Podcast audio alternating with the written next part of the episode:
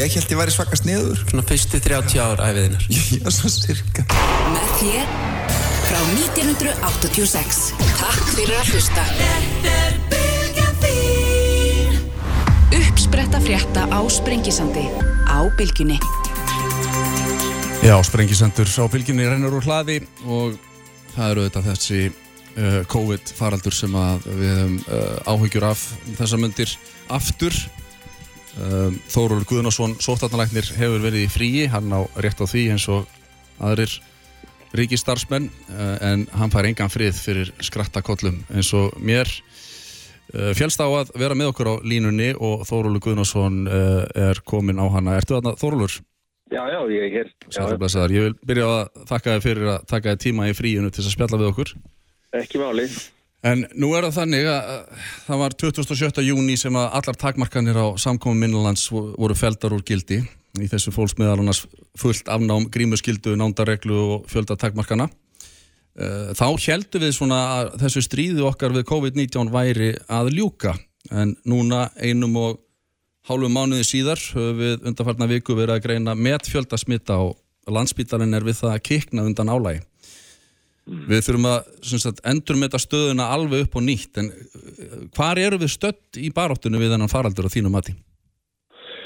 Já, sko, allan tíma alveg frá því að þetta byrjaði eh, þarna í lok februari í fyrra, þá, þá hefur þetta verið kaplaskipt og, og, og fyrir sjáanleikin hefur verið lítill. Við höfum reynt að rýna uh, fram í tíman að vera nokkurn veginn tilbúin sko undir hið óvænta, er að má segja. Þannig, þannig hefur þessi barátta verið allan tíman. Og, um, og það sem við vorum náttúrulega vonast til með þessar útbreytu bólusetningu að við myndum fá með bólusetningunum þetta svo kallega hjarðónami. Það er að segja að við myndum losna við e, smít á milli manna á næstu leiti þannig að þannig við fengjum ekki hér faraldra. Það er bara tvær leiðir til að búa til þetta hjarðónami þannig að komið vekk fyrir stóra faraldra. Það er annarkort að láta síkinguna gangi yfir sjálfa eða, eða náinu með bólusetningu. Og uh, þegar að við vorum að klára þetta, þessa, þessa bólusetningu eða voru langt komin með hana þarna í lok júni að þá, að þá uh, var eða spurningin, viljum við láta reyna þetta hérðunami? Viljum við reyna að opna og, og slaka á og sjá í raun og veru uh, hva, hvað gerist? Ég tala alltaf um það að við þurfum að alveg vera tilbúin í það að, að eitthvað nýtt kemur upp á að bólefni virku ekki eins og við vildum eða, eða, eða veiran hegðaði sér eitthvað öðruvísi og það gerðist að þessi delta veira fóð þá að sæki sér veðrið hér og kom hérna inn með farþegum sem voru að koma hingað og, og þá voru enga takmarkanri gangi hér innanlands og þá breyttist hún út meðal bólusettra, það eru fleiri sem hafa smittast, eða stærri hluti þeirra sem hafa smittast eru bólusettir sem er kannski ekkert skríti og það er var raun að vera meira en ég bjóst við en, en hins vegar verðum að sko segja það að, að bólusetningin hefur náttúrulega komið í veg fyrir alvæglega veikind, það er ekki nokkuð spurning um það, þannig að, mm. þannig að það er ekki eins og við höfum ekki sko fengið neitt út úr þessar bólusetningu, það er alls ekki þannig en ég hefði svo gert að vilja að bólusetningin hefði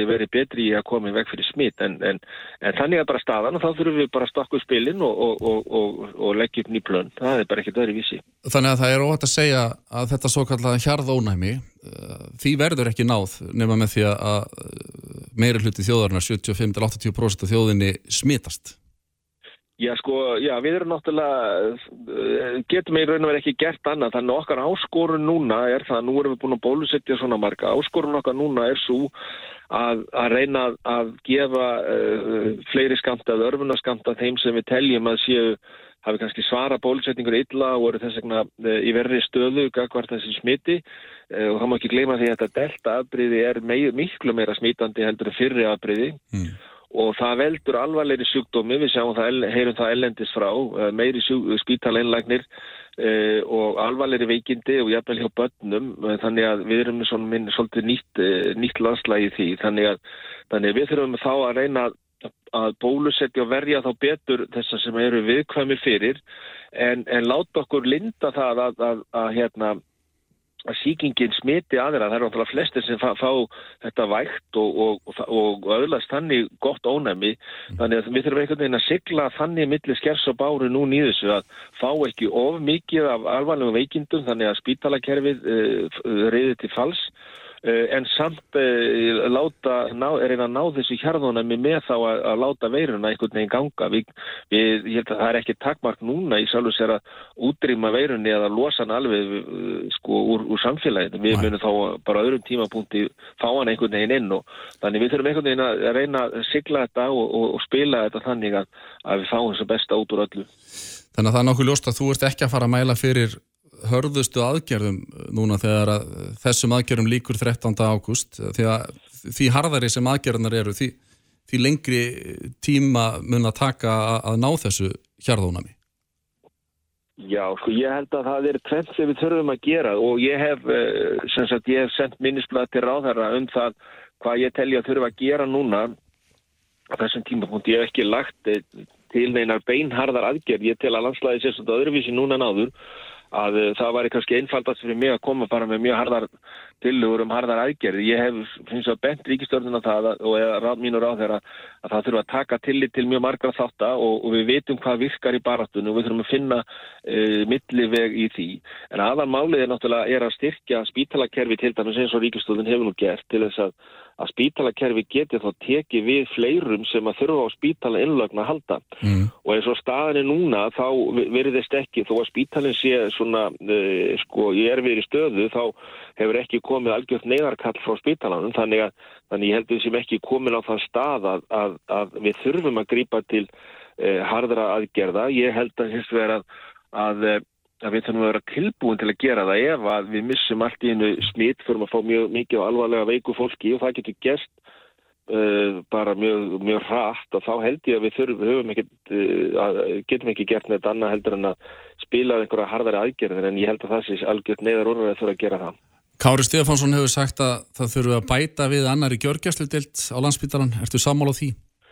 Já, sko, ég ætla ekki að fara að koma með í smáatriðum hvað spítalakerfið og spítalarnir þurfa að gera. Það er nóg að slíkun sérfræðingum í samfélaginu sem að hafa skoðun á því hvernig spítalarnir eiga að vera, hvernig helbriðskerfið eiga að vera. Ég held að ég bara ræða við það fólk sem að er er sérfræðingar í þessu og er að vinna á spítalanum hvað þarf að gera og, og það, það er eitt af því sem er verið að skoða og, og, og hluti af tillugum ríkistjórnarinnar að, að bæta það, bæta þá aðstöðu en ég held að það þurfa að bæta öruglega mjög margt á landsbítalunum og hefur þurft í langan tíma eins og landsbítalun sjálfur hefur bent á í mörg mörg ár.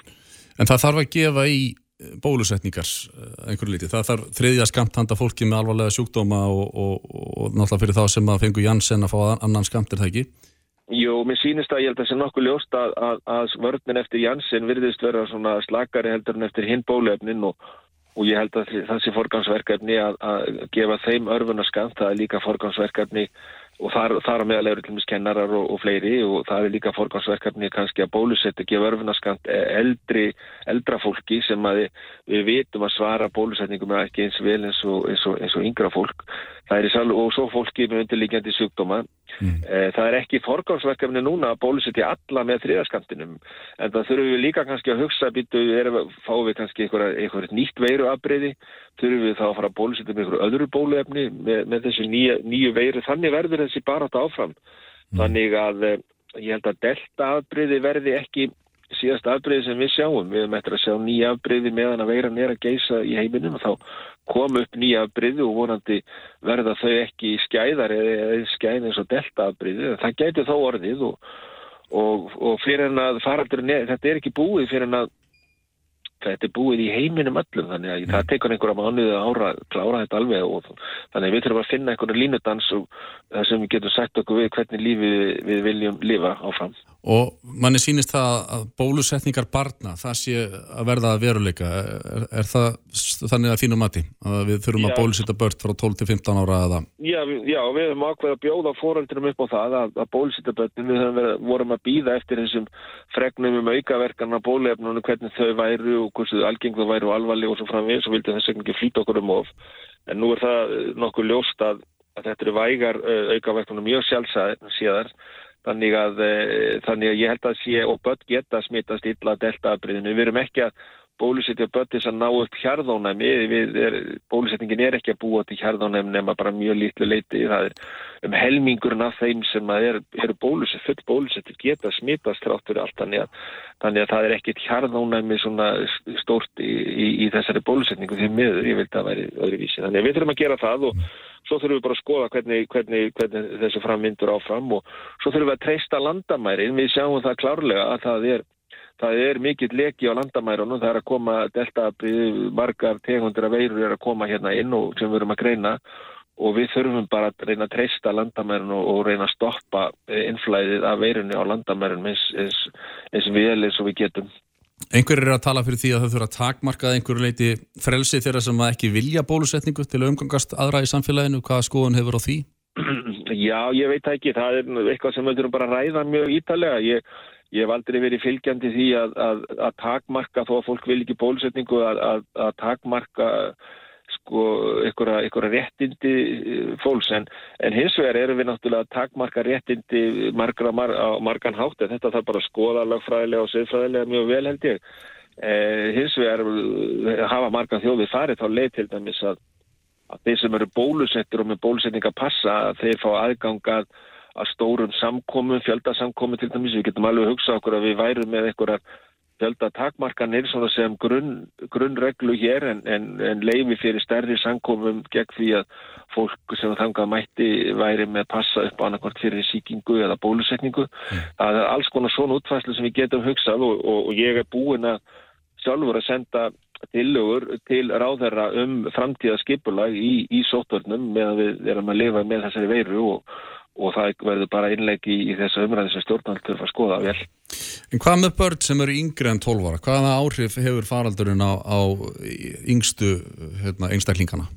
Já, við erum að, það, við erum að greina börn núna, það eru um 100, yfir 100 börn sem hafa greinst núna í þessari bylgi með veiruna og þau eru, hafa ekki veikst alvarlega sem betur fyrir það, er held ég eitt eða Það er engin lagst inn, það er eitt badd sem hafa spurningum eftir sem veit best, eh, hvort það þurfti innlögt eða ekki, þannig, þannig að þau er ekki að smítast eh, og síkjast jafn alvarlega og eldri einstaklingar en, en, en þau geta svo sannlega gert það og við fá, erum með frettir af því ellendist frá að það getur gerst og það er sjálfgeft.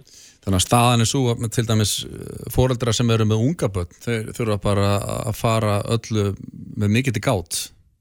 Já, já, það þurfa ekki, það þurfa allir að fara með gátt og, og við erum með börnundir einsás sem að hafa smittast og ekki veikst alvarlega.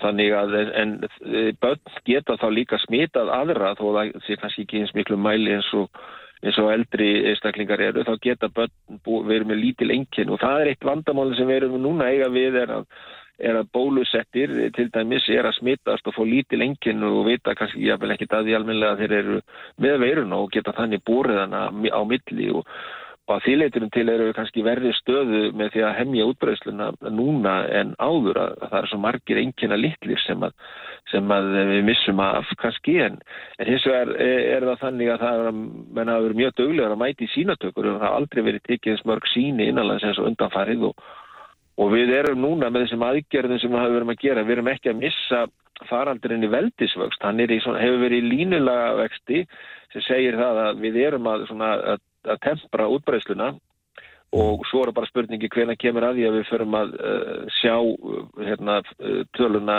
að uh, fara niður. Að, og þá erum við kannski er, er, er við á réttri leið. En, en við þurfum að klárlega að halda áfram í svona takmörkunum og passa okkur sem einstaklingar, það er náttúrulega það sem allt snýst um. Þú hefur sagt að þú ætlir ekki að leggja til eina ákveðna leið, heldur ætlir að benda stjórnvöldum á hvað hefur verið gert og hvað hefur virkað og láta boltan svolítið í hendunar á þeim. Hvers vegna ákveður það á þessum tímapunkti? Já, það er bara vegna þess að við erum á nýjum stað núna í farandrunum. Við erum með uh, þessa útbreytu bólusetningu, við erum með vægari veikindi og, og hérna, þess vegna held ég að það eru miklu fleiri þættir sem að stjórnvöld eh, þurfa að taka tillit til. Það er náttúrulega stjórnvöld alltaf sem taka endanlega ákvörðunum hvað verður gert. Eh, en ég hef sagt, við erum búin að gangi gegnum þetta, við vitum hvað virkar og það er þetta að fara bara upp í hillu og ná í minnisblad frá mér og segja, heyrðu, ok, við gerðum þetta á þessum tímumbúnt og það virkaði og, og, og stjórnvöld geta gert alveg eins, eins og ég, en þau verður að taka tillit til hildarhagsmunarna og og auðvitað er ég í stöðugu sambandi við minn ráðherra og, og, og hérna og við ræðum ímsa hluti og, og ég er alveg tilbúin að koma með konkrétt tillögur ef að ef að það, verður eitthvað vandamál að, að, ákveða framhaldið. En ertu, ertu þá að segja að við séum komin á þann stað að þú teljir að sótvarnarleiknirinn uh, geti bara svona uh, stíða aðeins tilbaka og, og hérna, það þurfa að meta að, sko, aðra þætti heldur en bara sótvarnirnar í, í þessu stóra samhengi?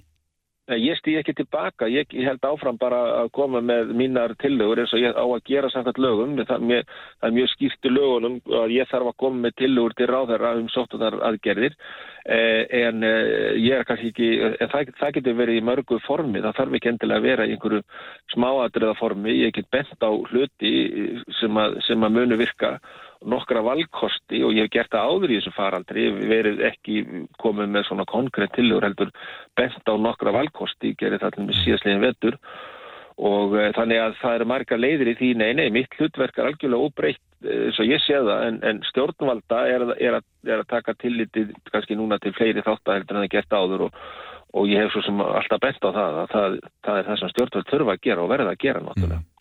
Við erum að greina mikið magn á sínum núna á hverjum degi eh, eh, sínist þér að við þurfum að leita aftur til íslenskar erfargreiningar til þess að greina síni? Já, það gæti alveg farið svo og, og ég heyrði nú í Kára í gær í, í, í útvarpinu og hann var svo sem að segja að þeir væri tilbúin og þau hafa alltaf verið það og, og, hérna, og verið bara mjög hjálpsum og þegar hefur verið leitað til þeirra og verið ómeðileg í þessari baratu. Ég vona að, að, að hérna, verufæði til landsbítalans eh, minni annað þessum sína, sínum öllum með þessum beimur nýju tækjum það, það væri mjög, mjög gott að, að þurfi ekki að vera með marga í þessari vinnu og Íslenska erðagreining er náttúrulega í öðrum hlutum en, en, en þeir eru ennþá að hjálpa okkur náttúrulega með raðgreiningarna sem er ómeitanlega fyrir okkur til að meta eh, útbreyslu faraldusins og hvernig, hvernig veiran kemur og hvernig hún breyðist út. Það getur vel farið svo að það þýrt að leita til þeirra en, en við erum ekki alveg komin á þann stað ennþá. Svona að lokum fyrst að þessi nýja staða er þannig að við þurfum að ná hjarðánamennu með því að, að, að leifa veirunni að smita uh, þjóðina meirin hluta hennar og án þessa að landsbítalinn og heilbríðiskerfið kikni undan því. Hva, hversu langan tíma þurfum við að gefa okkur í að, að það náist? Já, það, það er ómöld að segja það nákvæmlega. Við erum kannski á þeim stað núna sem við vorum fyrst í faraldurinn þegar það var að byrja. Þá töluðum við mikið um það að fletja kurvuna og ná henni undir það mark sem væri svona þólmörk helbriðiskerfisins og, og þá vissi maður raun og verið ekkert hvort að hvort að væri hægt að útrýma veirun úr samfélaginu með þessum aðgerðum sem við gripum til eða hvort við myndum bara geta haldið henni almennilega niður. Nú vitum við það að við getum útrýmt henni með þessum aðgerðum að stoppa hana af hér en hún mun alltaf koma einhvern veginn inn með hann er út í heimi að þá mun hún alltaf leka inn í gegnum landamærin hvernig sem við högum okkur á landamærunum en við þurfum að koma á fyrirkomulega landamærunum sem lámarkar þennan leka. Og við þurfum að hafa einhver, einhver takmark innanlands því annars bara dreifist hún mjög fljótt. Það þarf ekki nema nema 2-3 einstaklingar koma inn smitaðir að, að koma hérna stað bilgi og við höfum bara sett það núna. Það gerðist akkurat núna í, í, í júlímániði að það voru ekkit voðalega margir sem setta stað þessar stóru bilgi sem er í gangi. En við þurfum Við þurfum bara, við þurfum að reyna að klæðskera sníða sko aðgerðina svolítið að þessu. Já, en svona miðalveg þessa stöðu sem er komin upp, ef þú myndir reyna að spá aðeins, hvað heldur að heimsbyðin verði lengi að glíma við uh, COVID-19? Ég held að þetta þurfum að búa okkur undir það að þetta verði allavega einhver margi mánuður og uh, kannski ef ekki eitt, tvö ár. Já, þannig bara það. Uh, ég, ég held það og þess vegna þurfum við bara að stilla okkur inn á hvernig, hvernig viljum við hafa þetta fram að þeim tíma. Mm. Þetta verður eiginlega ekki búið fyrir en þá held ég, sko. Eitt í lokin, forvetni, ég sá í frettunum í gæri að, að, að hérna, héruðum í Kína var verið að spröyta sóttrensu úða á fjölfarnar götur. E, eru, eru kýmverðar ekki að glíma við sama faraldur og við? Hva, hvað finnst þér um þessar aðgerið þar? Ég veit ekki. Mér fannst þetta nú halv eh, einkennilegt. Ég veit ekki hvort þetta virkar eitthvað eða, eða hvort þetta er eitthvað svona Þetta er náttúrulega uh, leit, leit uh, svona flott út eða ekki flott kannski en allavega svona... Þetta hafi verið einhver svona síndarmennska? Þetta var svolítið sjónaspil en ég þór ekki að segja um það en allavega held ég að þetta það sé mikið ílagt, ég er ekki vissum árangurinn sé svo mikið hlaði en, en, en það er bara, er, þetta er fyrir meta þetta einhvern veginn aðri vísi. Það er mitt. Þórólu Guðnarsson, sóþarnarættir við þökkum þér kærlega fyrir spjallið. Sér eftir skamma.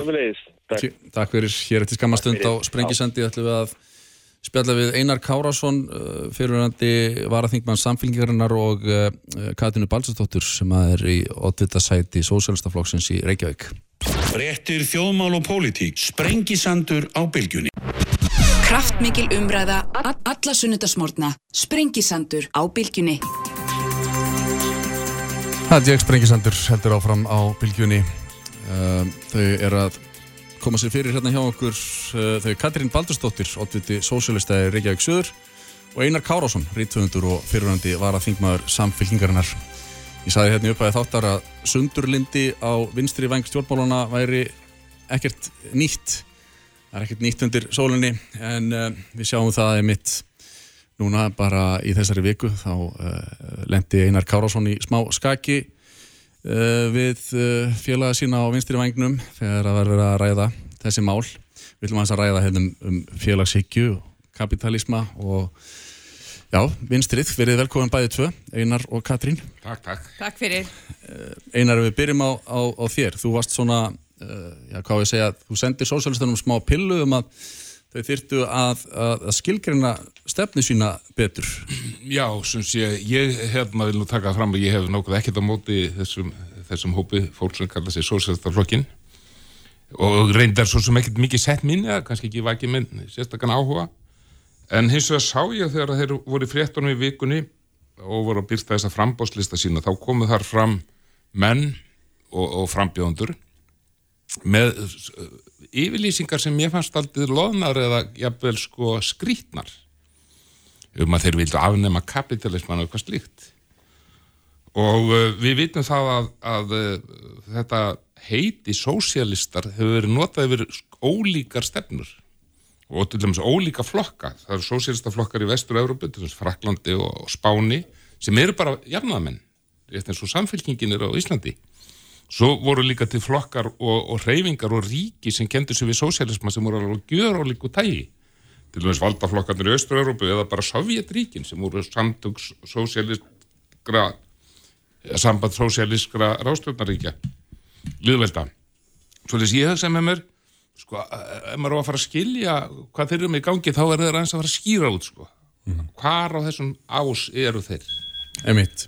og, og, og, og þa- það var eina sem ég, ég hugsa bara með mér, það væri fræðandi, það væri upplýsandi fyrir mig og alla aðra kjósendur og svo framvis Katrín, getur þú frætt okkur einmitt um það? Ég minna, sósjálista flokkur Íslands, uh, það er eins og Einar bendir á, það, það eru margir þar sem hafa líst því verið þessu hreinlega á móti kapitalisma. Það, þetta er flokkur gegn auðvaldinu og þeir vilja burt með kapitalisman. Hvernig hérna, skilgrinir þú þetta alls saman? Sko, ég tók eftir því í fæslu Einars Kárássonar á Facebook þegar hann var að tala um þetta. Þá segir hann sko að kapitalismi sé jæmt og frjálst atvinnulíf. Nákvæmlega eftir honum haft. Og ég ætla bara að benda ykkur á það að sko kapitalismin er nýra á nálinni. Það, það er búið að vera frjálst atvinnulíf í þeim skilningi frá öru og við alda. Kapitalismin eh, er bara nýr. Hann var kynntur til sögunar bara kannski fyrir 200 árum síðan þegar að menn komu stígu fram á völlin eins og Adam Smith, Karl Marx og Max Weber. Þá voru menn ekkit að tala fram að þeim tíma voru ekki að tala um kapitalisma en atvinnulíf hafði blómstrað bara með öðrum hætti, frjálst atvinnulíf. Þannig að segja það að, að, að, að kapitalismi sé nöðsynlegur frjálsu atvinnulífi er bara kæftæði vegna þess að sko það sem gerist þegar kapitalismin kemur fram uh, í, kjölfar yðbyltingar og, og þjættbílistrónar þá gerist það og, og, og þessir fræðimenn uh, ymmit tala um það og, kynna þetta hugtækis til sögunar að þá breytis afstæðan tilverða uh, verður hérna tæknið þróun svo mikil að menn setja á stöfn stórar vesmiður menn sem sagt sapnast saman í þjættbíli og, og, og tengslinn á milli atvinnureikandans og launafólksins breytist completely. En- Þannig, jú, býtu, ég ætla að klára þetta, þetta er stutt, að þá verður allt inn til launafólk, atvinnureikandin borgar þér kannski þúsund kallar mánuði, eins og þetta var í Galanda náttúrulega ekki fjár, fjárhæðir þá, en atvinnureikandin tekur sörplössin, hann tekur arðin sem skapast af vinnunni, Það er kapitalismin. Elska mig góða, ég lappaði um götur Pompeii, sko sem var undir Vesuvius árið eftir, 79 eftir Krist. Hann var grafin upp, eða svo borg var grafin upp. Ég lappaði, það var stórkoslegt. Þar voru hérna húsin þannig að fyrsta hæðin var alltaf fyrir verslun og þjónustu. Já, en- Síðan byggðu menn ofan á það og byggu fyrir ofan. Samfunnufyrirtæki, einirkjar, smáfyrirtæki, allt þetta var til Já. áður en að kapit, frjálst atvinnulíf og kapitalismi er ekki sama sem. En hvað þýðir þetta? Vil- Viljið þið þá taka völdin af þessum atvinnureikundum sem þú talar um og, og hérna, færa þetta meira á hendur ríkisins? Sko, það sem við viljum gera, að við viljum taka völdin af stórfyrirtækjum í samfélaginu sem hafa gert það að verkum, þau stjórna öll og ráða og hafa gert það að verkum og þeirra atvinnustefna og, og, og þeirra nýfrjálsíku kapitalismi hefur gert það að verkum að ójöfnuður orðin þannig að 1% á eiginlega allan heiminn. Hvaða jöfnuður er það? Þetta er samfélag sem hefur skapast af kapitalismannum sem, sem að settur var á stopp þarna og fundin upp í kjölfar eh, sem sagt breytinga og, og þetta kerfi gengur ekki upp. Nú er hann orðin yktar í kapitalismin hann að var því að nú er þetta orðið sem sagt fyrst er þetta kapitalismi, svo breytist hann í frjálsiki, svo kemur hérna nýfrjálsikjan sem er yktasta myndin og hún er við líði í dag og það er hún sem er að eiðilegja bæði líf, mannkins og náttúru. Einar, er þetta ekki að skýra svolítið nánar eh, hva, hver stefna Sko- sósalistana er? Það sem Sko, þú heyrir hér hjá hérna, Katrinu. Þessi, þessi sögurskýringar eru alveg rétt hjá Katrinu en hins vegar þegar við tölum um kapitalisma og við erum að tala um nútíma samfélag þá erum við að tala um nokkurni saman hlutin og uh, sko ég er að tala um það samfélag sem verður til upp úr uh, bara uh, hérna, innbyltingu og svo framvegs þar sem að allt allt gjör breytist, kjör allra manna í veraldinni e, sko það sem ég að, hug, var að hugsa var það að, að þegar við tölum um sósialisma að þá segja menn er, þetta er mjög ólík þetta er eitthvað breytt svið. En, en tilfellið það hins vegar að, að í rauninni þá er þetta rauninni bara tvær tegundur sem við þekkjum af sósialisma það er annars vegar uh, og, og ef við skoðum söguna það, það er alveg hægt að taka þetta tímabil sem hún nefnir frá uh, tilkomu kapitalismas sem að Karl Marx var til dæmis mjög hrifin af og hann var mikil aðdáðandi hans að uh, þa þá gerist það að það verður til þessi sósialistka hugmyndafræði eða stjórnmálastefna. Það verða til alþjóðarsamtök um, um sósialisman en fyrir um það byrju hundra árum þá klopna þessar hreyfingar í tvent annars vegar í sósialdemokrata eða jafnaðamenn eins og ég hef talið mig vera frá því ég var eitthvað djöman uh, í vilda vinstrinu hér í gamla daga og hins vegar í svo kallega samegnar sinna sem hafa verið kallað samegnar sinna við kallaðum hann Kommúnistar. bara kommunista og, og uh, það, við getum haft okkar skoðanir á, á samfélagsgerðinni og við getum haft okkar skoðanir á því á, á veldi stórfyrirtæki og svo framvegis og, og jafnarmenn hafa alltaf verið mjög harðir á því að, uh, að, að til dæmis með uh, lögum gegn ringamyndun og með skattapólitík og svo framvegis þá höfum við heimil á þessu en, en hugmynd jafnamann er ekki svo að öll atvinnustarfsemi verði, verði uh, rekin á uh, hérna, ríkisgrundvelli eða, eða Í samegn ríkisins. Já, svoleiðis að, að sko, það, það er bara þetta sem ég er að spyrjum Já. á hvorum megin eru þið þarna það, er, það, það er engin sérstakur millivegur Já, ég skal alveg skýra þetta út. Uh, hérna, málið er það sko að sósialismi er ekki meitlaður í stein. Þú getur ekki tekið sósialisma fyrir hundra árum og sagt þetta er sósal, sósialismi 21. aldarinnar. Það gengur ekki. Við erum til dæmis með, uh, hérna, við erum ekki á móti fyrirtækjum sem við halda við sem á móti fyrirtækjum. Við erum lagt fram tilbúð til kjósenda, eitt af fjölmörgum tilbúðum sem við erum búin að hérna, spreða út hérna alveg endalust. Eitt af þeim tilbúðum er skattalækkun til smáfyrirtækja. Við viljum að, að smáfyrirtækin fái miklu meiri möguleika til að dapna og þróast. Og stækka? Og nei, við viljum ekki gera það. Það er það sem gerðist. Stórfyrirtækin hafa gert það að verkum er að ég yfirleitt sem smáfyrirtæki sko, við viljum, ég er að segja við þig, við viljum auka hag smáfyrirtækja, samvinnufyrirtækja, einirkja e, og svo framvegis e, við erum búin að leggja fram útlista tilbúð um hvernig við ætlum að fara af því að lækka skatta hjá þessu. Við ætlum hins vegar að hækka skatta á þá ríku og lækka skatta á almenning, við erum með öll þessi tilbúð og, og hérna Þannig að við, þetta er þessi bábiljarinn að tróða því einhverjum Lenin og Stalin og upp á okkur náttúrulega hver, hvert annar bull.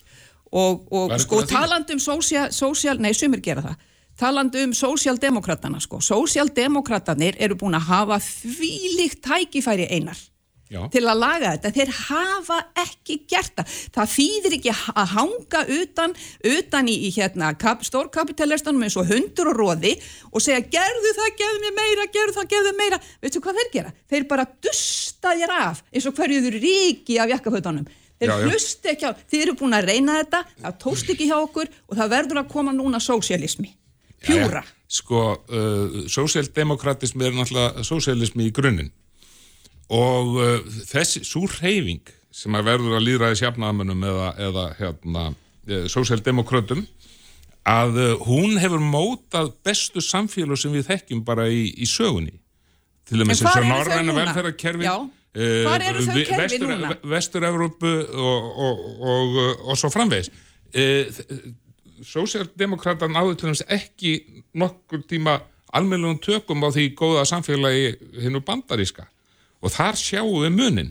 Þar fæðast kannski 10-20% sem hefur engan möguleik í lífinu ekki eins og möguleik á læknistjónustu eða, eða mentun eru bara dæmdi sem vera á göttunni eh, í samfélagum sósíaldemokrata hvort sem það er hér í já, sem að hafa þróist að hér í vestur-Európu að eh, þá er allt annað upp á teningnum. Þetta eru mest uh, hérna, uh, mannlegustu samfélag sem hafa verið búin til og uh, þegar ég var uh, um tvítugt og var í var í uh, þessi svo kallega vilda vinstri, þá var mikið í tísku svona lítil sósialísk flokksbrott þetta spratt nú upp úr hérna daldið 68 óerðunum þetta voru trotskistar og maoistar og stalinistar og svo framvegis. Að eh, þá, þá var maður eh, einhvern veginn daldið í þessari orðræðu sem mér finnst að vera að, að, að dúkka upp aftur í kringum hérna sósílistaflokkin og uh, svo, gerist það að, að maður hérna verður aðeins eldri, maður regna spötn og uh, fer að regna heimili, ég flutti til Danmörk og þá sá ég uh, býtu, hvernig samfélagi vil ég lifa í? Ég vil lifa í svona samfélagi þar sem að allir eiga tækifæri Já, sko, e, e, það sem, að, það sem ég ætla að, er að tala um með sósjaldemokratismann, hann virkar ekki lengur. Hann, þið, það, nei, hann virkar ekki lengur, það, annars væri ekki svona stjartflæðilegur ójöfnuður vegna þess að sósjaldemokrater hafa fengið ansi mikið tækifæri. Ég er, var að kíkja í stefnun ykkar, samfélkinguna. Og það stendur beinum orðum og tilvitnun hér. Virk samkeppni er mikilvægasta hagsmunamál almennings. Svo fór ég inn á samtök atunlífsins og þar stendur aukin samkeppni líkilla lífskjöru. Þetta er bara nákvæmlega sama. Þið Já, eru er, er bara... eitthvað rangt við þetta? Já, sko, það, það er að segja, þið eru bara til hæri. Samtök atunlífsins get ekki verið til vinstri. En er, er virk samkeppni ekki þjóðfélaginu til góða? Virk samkeppni, nei, við viljum taka út samkeppni fyrir samvinnu. Við viljum breyta samkeppni úr samvinnu. Við viljum ekki etja fólki saman. Akkur Við þá viljum ekki framsunarflokkin? Það er samvinnur hreyfing Hún það er, er stjórnarhreyfing samvinnum mann framsóknum eru löngu hættir að vera það Sam, samvinnurhefingin dó vegna þess að það voru einhverju kongar þar sem að fóru með það til helvíð En er það ekki þessi samkeppni sem hefur eh, veitt okkur og gefið okkur hérna, mestu framþróununa? framþrónuna vi, vi, sko, eins, og, eins og hérna uh, kerfið er í dag sem er lagt sko, sem er náttúrulega líka fáránlegt sko vegna þess að þessi svo kallaða frjálsa samkeppni en náttúrulega er ekkit annað en fákeppni hér til með svo Íslandi stórfyrirtækja. Þannig að það, það er nú ein mítan um að hér sé ykkur frjáls samkeppni. En sko það, það er grunn hugsun í sósialisma er samstaða, samvinna, mannhelgi, það er grunnurinn. Það Já, er ekki er- samkeppni nokkuð- vegna þess að þegar að þú ert í samkeppni þá etjaru fólki saman. Þú stillir því upp hvert gagvart öðru og það er ekki það sem við viljum. Ég hef nú ekki heyrt neitt sjálfmálumann sem ekki aðhyllist þetta sem þú hérna nefndir En, en ég vil segja til dæmis eins og þú talar um uh, ofurvald stórfyrirtækja. Já. Það hefur lengi verið mikið keppikefndi uh, sósjaldemokrat á Íslandi til dæmis að breyta þessu hérna, uh, gjafakvótakerfi þar að segja að það sé veitt uh, ókeppis engaleifi til þess að nýta öðlendirnar og uh, uh, þú getur sagt sko að sósjaldemokrater hafa bröðist vegna þess að það er ekki búið að koma þessi gegn en jafnamenn hafa bara ekkert verið við völd.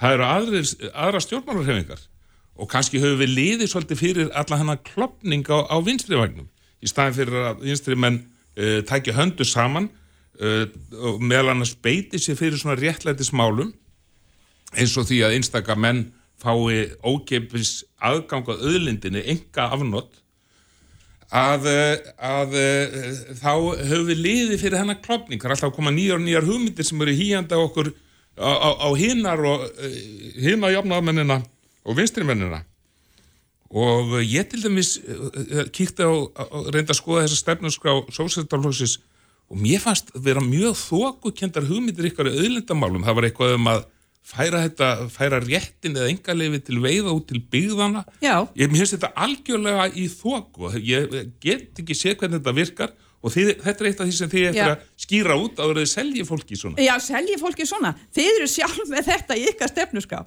Þið eru að segja að, að hérna... Nei, sko, nú jafnamann er mjög skýr Já, hún nú er við. svo að það er, að, hérna, og að það er plan, við höfum lagt það fram Já, ég veit, fram en ég er búin að lesa stefnuna og í sambandi við veiðiheimildin, þið viljið útbóð á vei- veiðiheimildum, ok, en þið tali líka um það að kvóti sé í byggðunum og þið segið meira að segja að sveitafjölögin í ákveðnum byggðum geti, geti hugsanlega, segið þið, saminast um að leia kvótan frá sér. Það er bara sama kerfið og er í gangi núna. Þannig, Ha, En mér langar að spyrja að því að þú nefndi smáfyrirtækin hérna fyrir í þessu samtali og þið viljið styðja við þau og styrkja en, eh, en skiljiði þá rétt að, að þið viljið þá setja eitthvað skonar þak eða koma böndum á smáfyrirtækin þegar þau fara að stækka og verða að stórfyrirtækin sko, sko í sósialisma, það segir sér sjálf sko ef að við værum bara sammála því kerfi sem að hérna er við líði í dag, þá væri sósialismin ekki til í núna.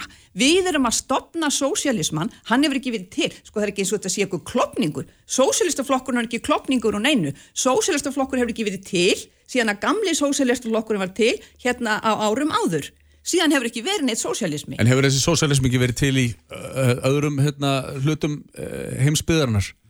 Ég sko- Hlutum ég sko- heimsins? Sósialismi hafa hætt á Íslandi þegar sósialistaflokkurinn breytist í alþýðubandarlega 1968 er það sögurskýringin Já, nei, það, sko, má, málið er það að sósialistar hafi ekki verið til, hafi ekki verið til neitt sósialistaflokkur og ég vil segja, þú ert að tala um klopning á vinstri vagnum, sko, í sögulega séð, það hefur verið miklu meiri klopningur á hægri vagnum, það er bara má aldrei tala um það, heldur nokkuð tíman á vinstri vagnum og ég segi, eins og Egil Helgason, hann var að tala um það að að hérna menn kísu sósialistaflokkin sko þá verður það að eiðilegja vinstri í pólitíkina, ég segi það, þú einar ert ekkert til vinstri. Þú ert bara hægri krat eins og ég sé þig með, með bullandi frálsásamkefni en ég segi hins vegar ef að sósialistinnar í samfélkingunni e, sósialistinnar í vinstri grænum og þeir sem telja sig að því að píratnarnir eru korki til hægri eða vinstri, ég veit ekki alveg hvað þeir eru en þeir, ef að, að sósialistinnar þar kæmi í sósialistaflokkin þá væru við með vinstri flokk. Kallar þú vafki vinstri flokk eins og hann hefur byrst núna í í, í stjórnarsamstafninu er hann vinstri flokkur, getur þú sagt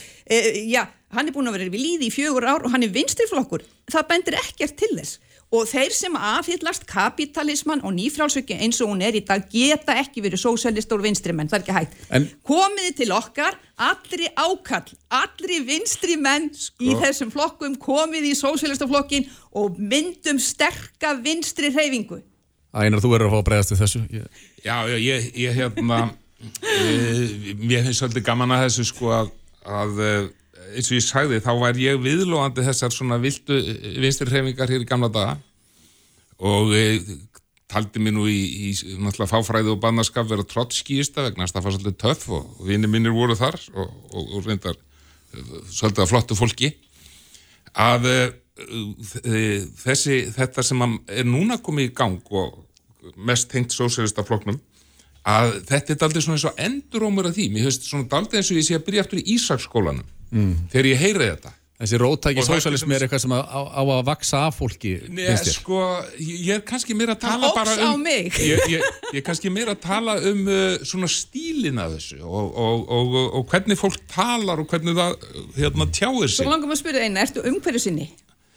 uh, Já, sjálfsögðu Já. Það þarf ekki að ræða það En hérna Jú, það getur en, ekki verið. En sko, ég man til dæmis að, að þegar að uh, þessar hreyfingar voru í gangi það voru gefin út alls konar blöð, það var neisti og það var stjættabaróttan, það var öregin og það var verkalýsblæðið að þá var sko rótæknin mjög far, fólkin í því að vera með rosalega stórirði við getum bara kallað dónaskap ég man til dæmis eftir því að það komi út blað og, og vakti mikla aðtekli, og, og það voru mynd af ykkurum hérna, sem sagt verkalýsfóringja formann í verkalýsfélagi sem, sem að viðkomandi hreyfing var á móti. Og mynda honum á stóði hér er alkoholistin og sósíalfasistin og svo kom nafnið á manninu og uh, og uh, hérna, það getur vel verið ykkur um okkar hafið þótt þetta fyndið þá. En eftir á að higgja þá er þetta hvorki fyndið þetta var ekki fyndið og þetta er ekkit rótækt það er ekkit rótækt við dónaskap. Og þér finnst þú, þú, Það- að þú það sjáir það svona enduróma það- þessu í við- það- það orðræðu það hug eh, þetta kvartláði mér vegna þess að hér var nefndur Egil Helgason. Hann hafði sagt mér í, í, í persónulegu spjalli ég vona að fyrirgefa mér að ég nefni það hann sagði ef þú segir eitthvað um sósélista þá er eins og þessi virkað hér útbóð inn í hreyfingunni og þú færði yfir þig flöym af dónaskap og, og svífiringum. Og það finnst engum gott og ég held að honum finnst það ekki gott heldur. Nei, sko, og, og, og síðan kem ég með þessa mér, að mér, mér finnst hóværu beðni um að þeir skilgreini betur hvað er eigi við með því og hvað er ég að taka við eða þeir vilja afnema kapitalisma og, og frjálst líf að þá tók að tvo tíma hafa búin að hafa 40 skeiti Einmitt. fullan þig. konar dónaskap Við verðum að fara að Þetta- þessu. Já, þetta- ég ætla að segja- þetta ég er ekki róttækt, þetta er ekki framfærsina þetta er ekki til Það- þetta er óþrif í mannlegu samfélagi já, sko, það getur vel verið að því að finnst það. Okkur finnst kapitalismin eins og hann verið í dag óþrif í mannlegu sams, samskipti og til dæmis um umhverjusmál því ég ætla að enda á framtíðinni. Við erum búin að tala um fortíðinni, að enda á framtíðinni. Ef að þú ert raunverulegur umhverjusinni, þá getur þú ekki verið kapitalisti. Það er ekki hægt. Vegna þess að kapitalismin kallar á aukin hagvöxt, aukin hagvöxtur kallar á aukna neyslu og aukin neysla kallar á aukna mengun og hamfara línu. Það er það. Ég vil þakka ykkur báðum fyrir líflegar umræður. Katrín Baldursdóttir, Otviti Sósialista í Reykjavík Suður og Einar Kárásson, Rittvöndur og fyrirhandi varaþingmaður samfélgarinnar. Kærar þakkir fyrir spjallið. Sprengisandur á bylgjunni Með þér alla daga. Bylgja. Sprengisandur. Alla sunnudaga á bylgjunni.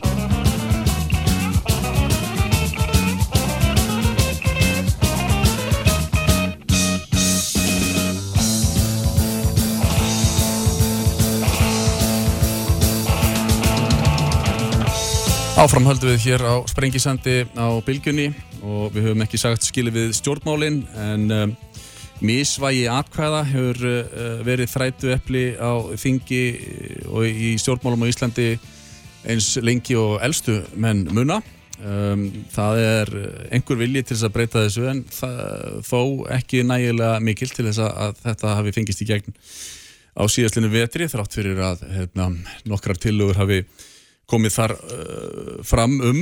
En uh, til þess að ræða þessi mál uh, hér í dag hef ég fengið til okkar Andres Inga Jónsson, þingmann Pírata. Bjarki Olsen Gunnarsdóttir sem er formar þingflokks vinstir grætna er með okkur á línunni. Og Birgir Ármannsson frá sjálfstæðisflokknum ætlar að vera með okkur og getur vel verið að hann hérna, detti hér bara inn. En við verðum bara að taka okkur það bestilega að hefja þessar umræður án hans. En uh, Andres Ingi velkomin og, og Bjarki sæl og blessuð Takk. Já, komið sælir. Andri Ingi, þú, þú ritaðir grein á, á uh, vísi.is núna í vikunni með fyrirsöldinni sögum atkvæði eru jafnari en önnur. Þetta misvægi atkvæða, það byrtist auðvitað í, í tveimur ólíkum málum, er það ekki?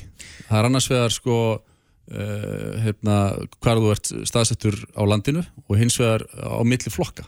Jú, akkurat. Þetta snýst bara um það að við erum með mismikinn kostningarétt í rauninni eftir því bæði hvar við búum og síðan sem er kannski minna að talað um uh, hvaða flokka við kjósum.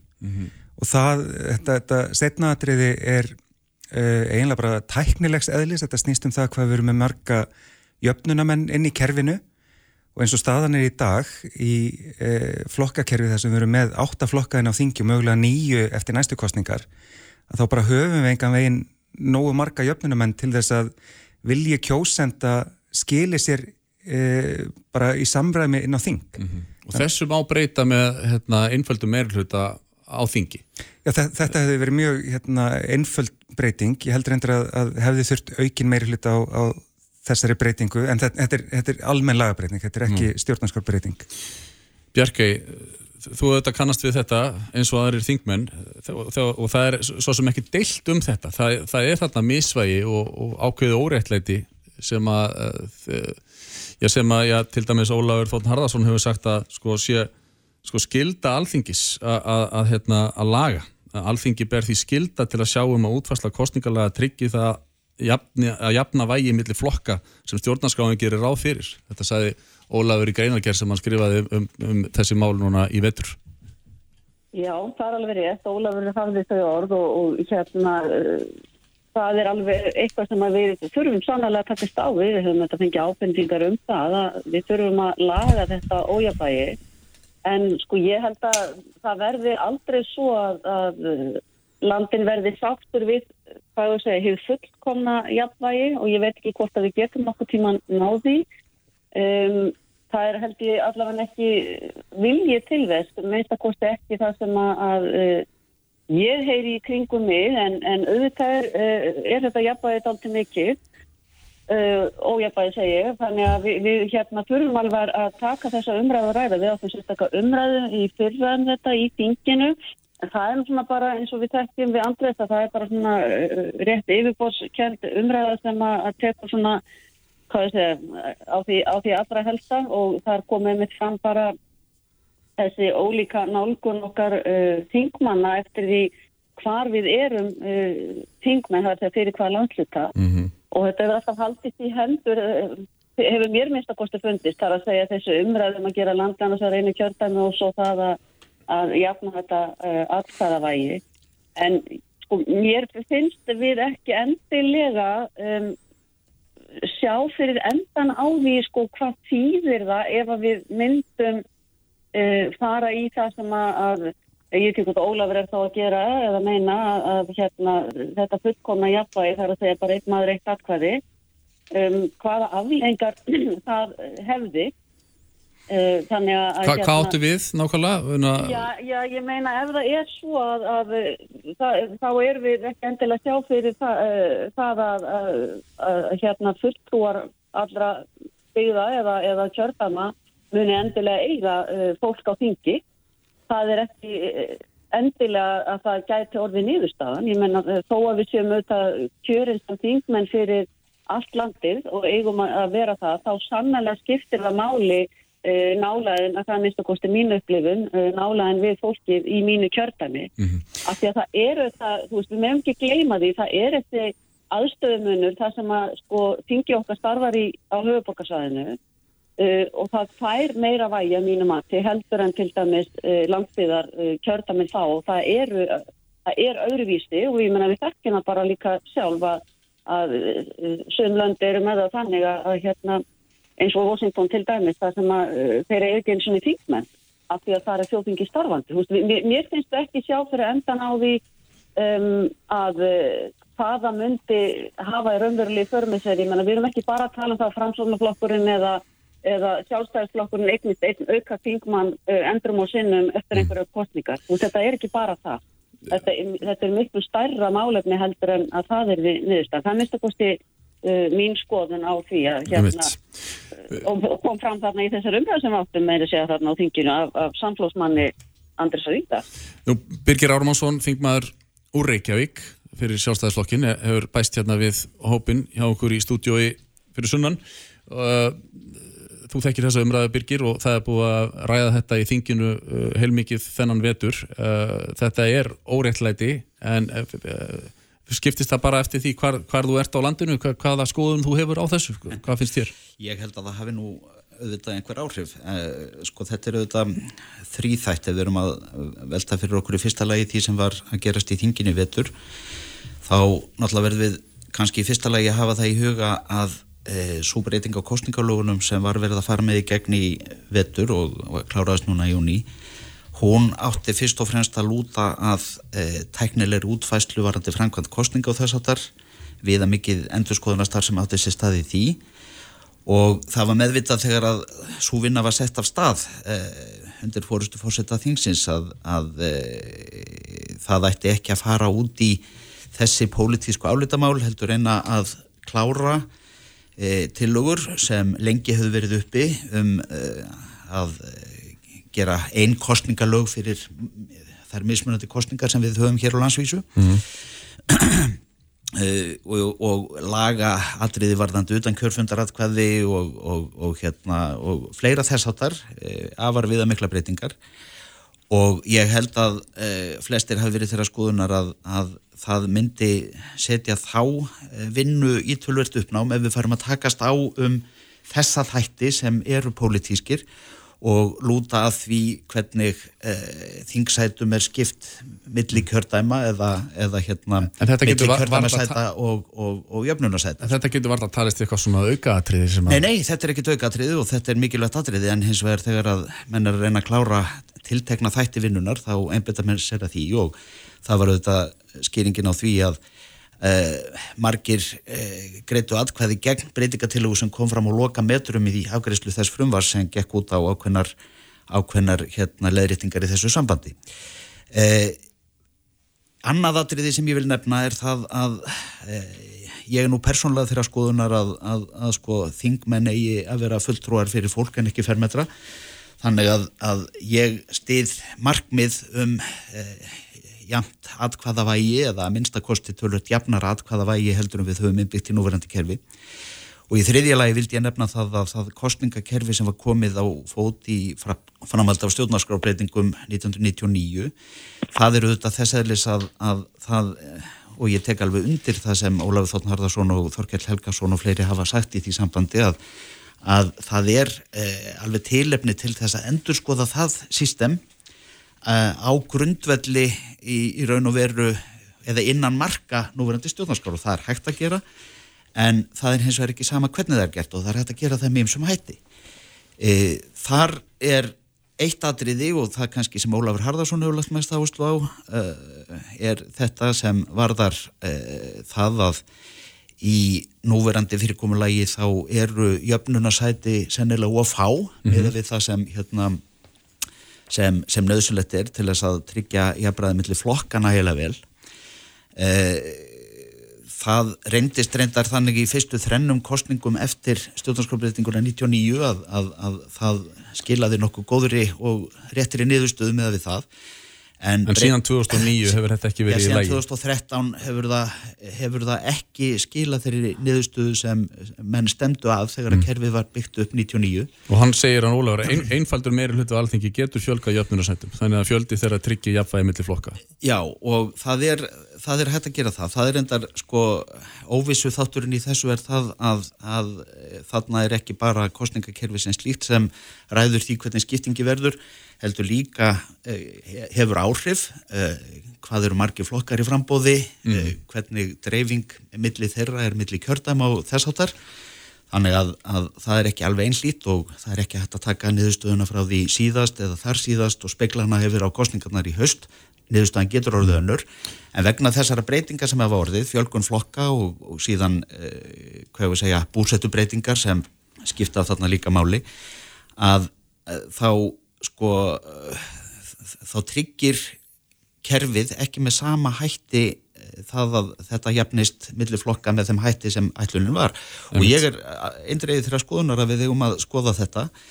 Eh, það hins vegar eh, þegar við veltum fyrir okkur lausninni sko það er hægt að taka fjölga um jöfnunarsæti og ná aðeins betri niðurstöðu hvað þetta varðar. Það lagar ekki endilega sko misvægi atkvæða milli kjördæma. Þa, það, það, er, það, það þyrti meiri breytingu til og, uh, og þá uh, förum við að velta því fyrir okkur eða hljóttum að velta því fyrir okkur hvort að sko einföld breyting með fjölgun jöfnunarsæta sem vissulega væri hægt að gera hérna núverandi kervis er nægileg til þess að ná því marki. Og uh, það er einfallega umræða sem sko uh, á, að tölverðu leiti eftir að eiga sér stað. Og þá komuðu þetta upp nokkur mismunandi sjónamið. Eitt sjónamið er að það gera landið að e- einu kjördæmi, önnur er svo að það eigi að viðhalda núverandi kjördæmakerfi í meginadriðum hugsanlega e, mætti fjölga kjördæmum og ná þannig e, einhverju niðurstöðu. Eða þá að e, einfallega gera eins og, og einhverja tilúr vorum í þinginu vettur, bara einfallega að halda sig við þann fjölda kjördæmasæta sem er að finna í stjórnarskráni sem er ákveði lámark og að hafa restina jöfnunarsæti en við þurfum og eigum eftir að fara í gegnum þá umræðu hvaða afleðingar það hefur. Það getur til dæmis haft þá afleðingu bara ef við, ef við eh, bara horfum á þetta eins og það líkur fyrir að ef það væri bara lámark 6 kjördæmasæti fyrir hver kjördæmi og restin er í jöfnunarsæti þá gæti það e, gert e, þröskuldin herri fyrir staðbundin frambóð í einstökum kjördæmum til þess að komast inn Mm. það geti, það geti e, Það eru margir, margir fítusar og margir núansar í þessu. þannig að eins og ég segi sko þú veist, ég er tilbúin í þessa vinnu en ég er ekki vissum að, að sko þegar að menn fara velta fyrir sér útfæslunum og þá verður þetta einfalt en e, það er ekkit óeðlegt eins og það er eftir 20 ára að núverandi kerfi sé endur skoðað Andri Singi, eh, hvað finnst þér um þessar skýringar stjórnarliðana? Sko kannski fyrst að því að Bjarki nefndi hérna, aðstöðumunin á milli landslutana að þá er hann alveg til staðar og, og það er eitthvað sem við erum öll sammála um og þess vegna samþýttum við til dæmis öll byggðáallum fyrir þremur árum sem snýstum það að draga úr aðstöðumunni og, og auka atvinnutækifæri út, út um landsbyðirnar. Mhm. Það verkefni er í gangi að, jafna þann aðstöðumun en það er ekki hægt að nota þá skekkju að eilifi til að, halda fullum kostningarétti frá stórum hluta landsmanna eins og sko, umræðan virðist oft festast í. Mm. Eh, og svo er alveg hægt að gera lítið úr þessari skekkju með því að segja að endrum og sinnum fái flokkar aukamann. Þetta er orðin regla. Þetta hefur verið í öllum síðustu kostningum og þetta hefur raunverulega áhrif eins og 2016 þegar sjálfstæðisflokkurinn fekk hennan eina aukamann og myndaði ríkistjórn með eins manns Á einum meiri manni, hluta. já. Þannig að, að þetta er ekki, þetta er ekki einhver, sko, þetta er ekki bara hugalegfumi. Þetta er- þetta er or break it fyrir að vera að mynda áhrif. ríkisstjórn. Já. Já. Þannig að, sko, við getum alveg sett til hliðar uh, umræðu um, um jöfnun á milli kjördama því að það er, ég, ég skal alveg kaupa það að það sé miklu, sko, erfiðara pólitíst.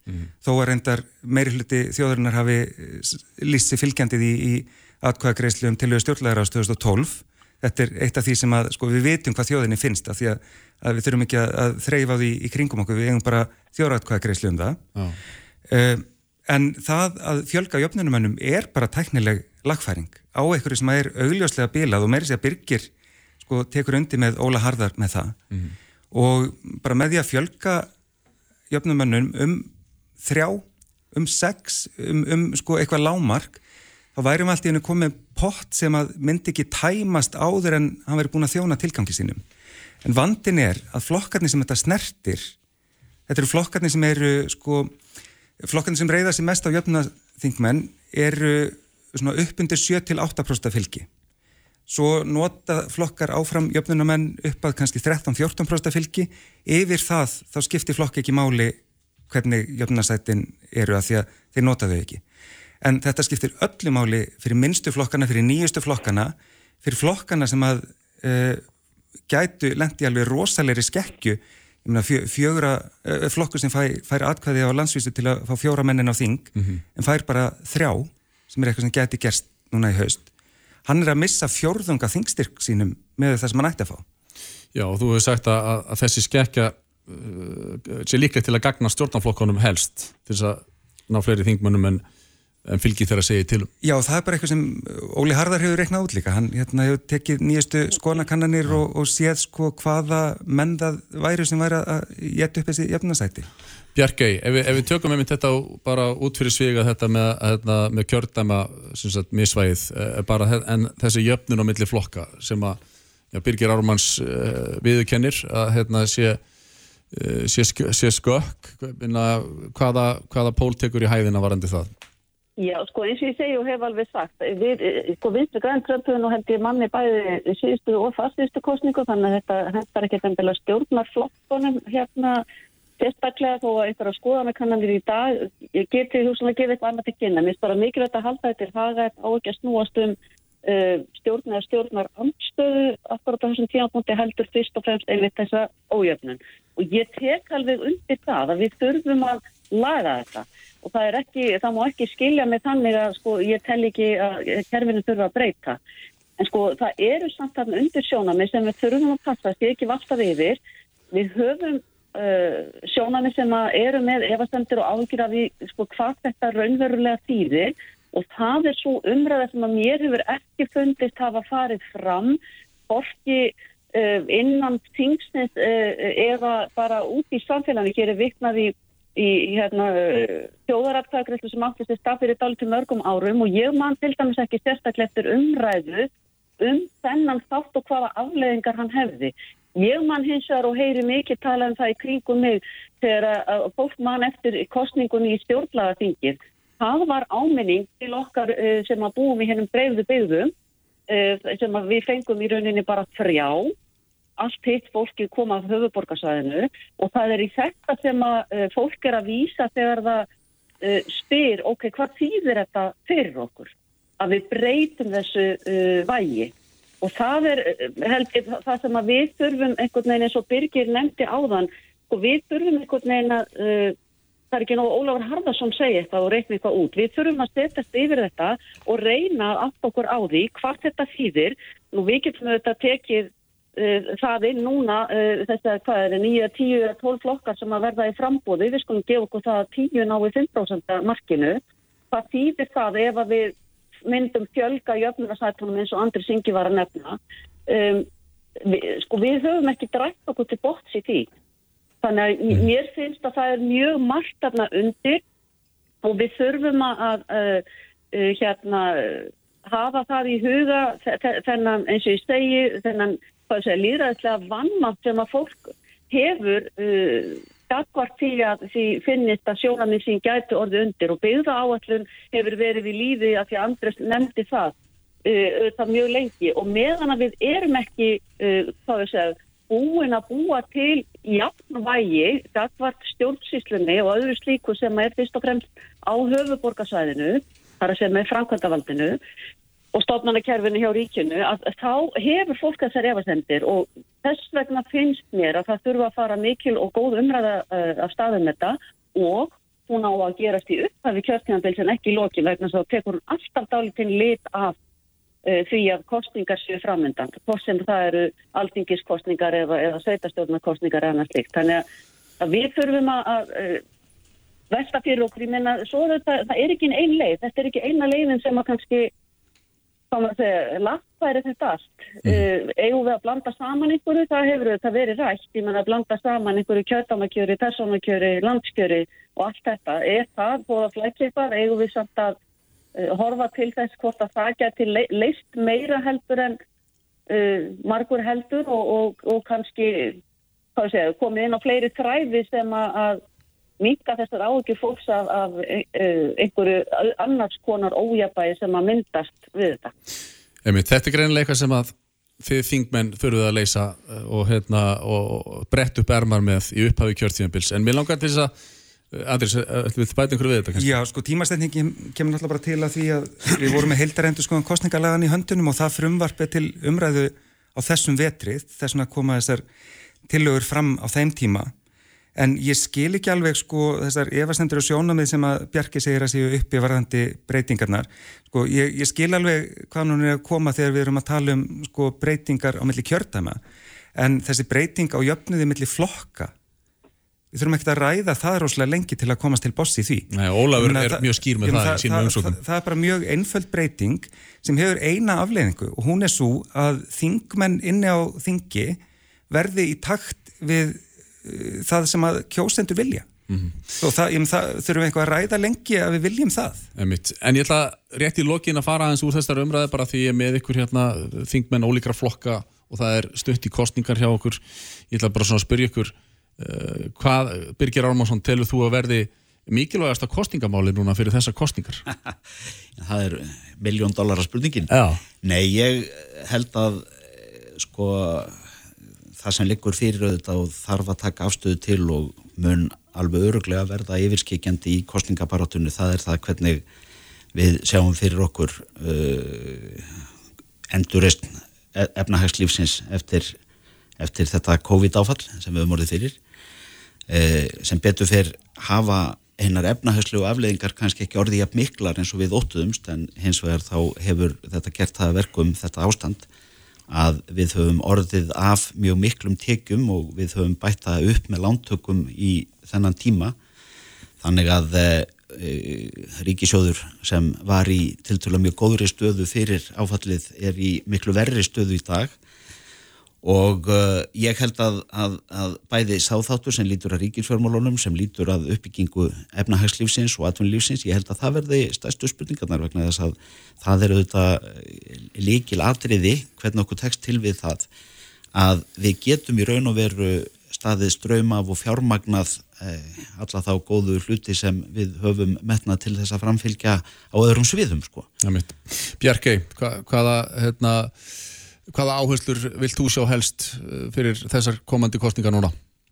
Já, ég get nú svo tekið undir með byrja á mörgu leiti varandi þetta, sko, þetta er ekki endilega hvað við viljum, heldur hvað við þurfum að gera. Og það held ég að sé bara verkefni fyrir framann okkur að, að hvernig við viljum uh, stíga upp úr þessum faraldi, hvers konar uh, breytingu uh, sjáum við á afturlífinu, við þurfum að taka stáðu, það. Er ennþá pölvöld mikið afturleysi sem við þurfum að vinna á Og svo, það, nú tala ég alveg sem landsbygða þingmaður að hér úti í hennum dreiflu byggðum að þá er mitt að tala um uh, þessa ofinböru þjónustu, bara hvernig hún byrtist uh, í allstafar, heldur sem að það er uh, samgöngumálin eða helbriðiskerfi eða bara almennt í fjöl, fjölbreyttri atvinnustarfstunni. Þannig að það er, maður finnur alveg að það er oft ólíka nálganir og eftir því bara hvar þú býr, en stóra málið eru þetta alltaf þetta, ég menna hvernig hvernig við komum uh, afhengileysinu niður og uh, þar þurfum við þetta bara að hafa uh, grænumálinn dáltið uh, framalega og eiginlega eiga það að vera allra fremst að við reysum þetta upp með þeim hætti. Nó. Andri Singi, þú fara að slá botnin í þetta? Já, náttúrulega það að rýsa upp úr svona krísu eins og við erum að gera núna eftir þessa kostninga, það býður kannski upp á að sko spyrja stærri spurninga en í venjulegum kostningum þannig að núna höfum við tækifæri til þess að tala um það af alvöru hvernig við viljum sjá landið uh, rýsa upp á, ný. Uh, og þar, þá getum við farið að segja skilið við úreltu hagfræðina sem að, að uh, leiti til misskiptingar og, og ofnótkunnar á öðlendum jarðar, við getum farið að reysa upp sjálfbæri og betra samfélag. Og bara samfélag sem er betur í stakk búið Eh, til að takast á við áskorunni framtíðarinnar og þar með betur í stakk búið til að takast á við áskorunni á borðið það sem við höfum verið í núna síðasta einu hálfa árið. Það er mitt, það er nefnilega það. Segjum þessum umræðan lokið við, ég þakk ykkur öllum Bjarkei Olsen Gunnarsdóttir, eh, formar Þingflokksvinstri Græna og Andris Ingi Jónsson, Þingmaður Pírata, Pirkir Armason, Þingmaður eh, og formar Þingflokks sjálfstæðisflokksins. Takk fyrir komuna. Takk ég langt. Takk. Takk, takk. Sprengisandur alla sunnudaga á bylgjunni. Já, áframhöldu við á Sprengisandi úr blíðviðrinu hér á höfuborgarsæðinu. Við ætlum að eh, taka hús hér næst á eh, Pálma Einarsinni, yðinhönnuði og hampbónda á bænum Gautavík í Berufyrði. En eh, Pálmi er komin á línuna að ég held. Erstu þarna Pálmi? Já, góðan daginn. Sæl og blessaður. Takk fyrir að vera með okkur. Um, við ætlum að byrja á að spyrja þig sko, þú ert að rekta hamp og er búin að gera það núna í, í nokkur ár þetta er uh, sko annað orðið verður þetta eru hreinlega bara kannabisplöntur er það ekki rétt hjá mér? Jú, jú, það er ok.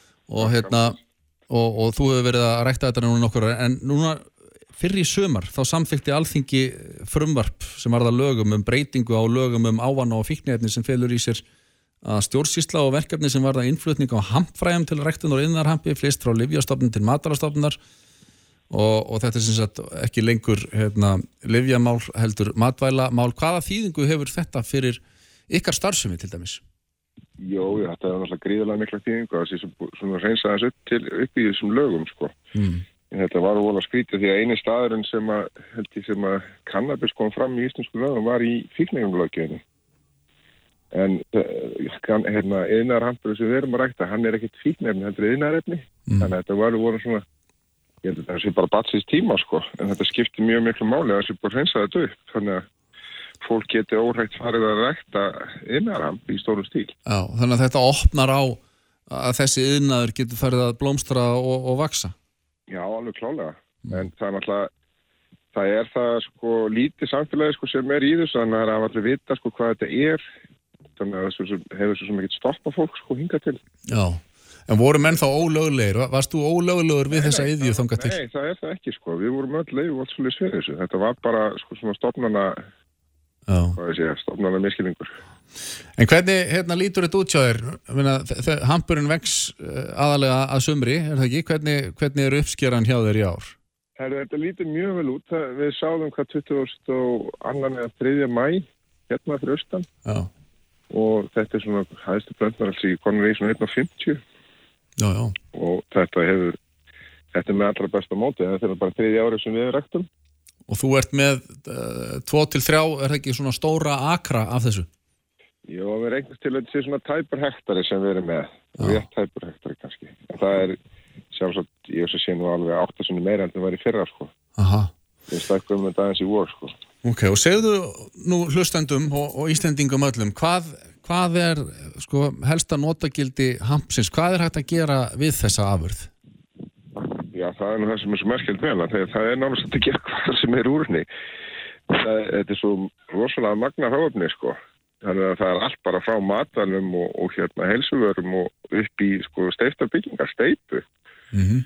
Og trefjablötur og annað slíkt, sko. Þannig að þetta er svo, þetta er svo ofsalega fjölbreytt. Þú meina sem bara steipu til, sko, til íbúðar bygginga, jáfnvel?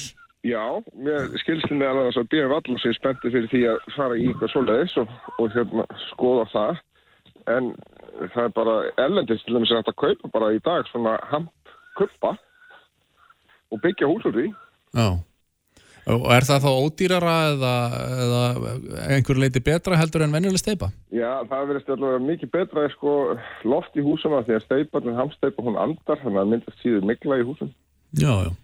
En það er svona áttur að prófa þetta svolítið hér þar sem regnir ekki hérna lóðrætt heldur lárétt. Emitt. En ellendist það sem er svona, já eins og í Evrópu, þá er þetta, þetta eru vinsalist og flottustu húsum farið í dag, eru handhús. Skilst mér.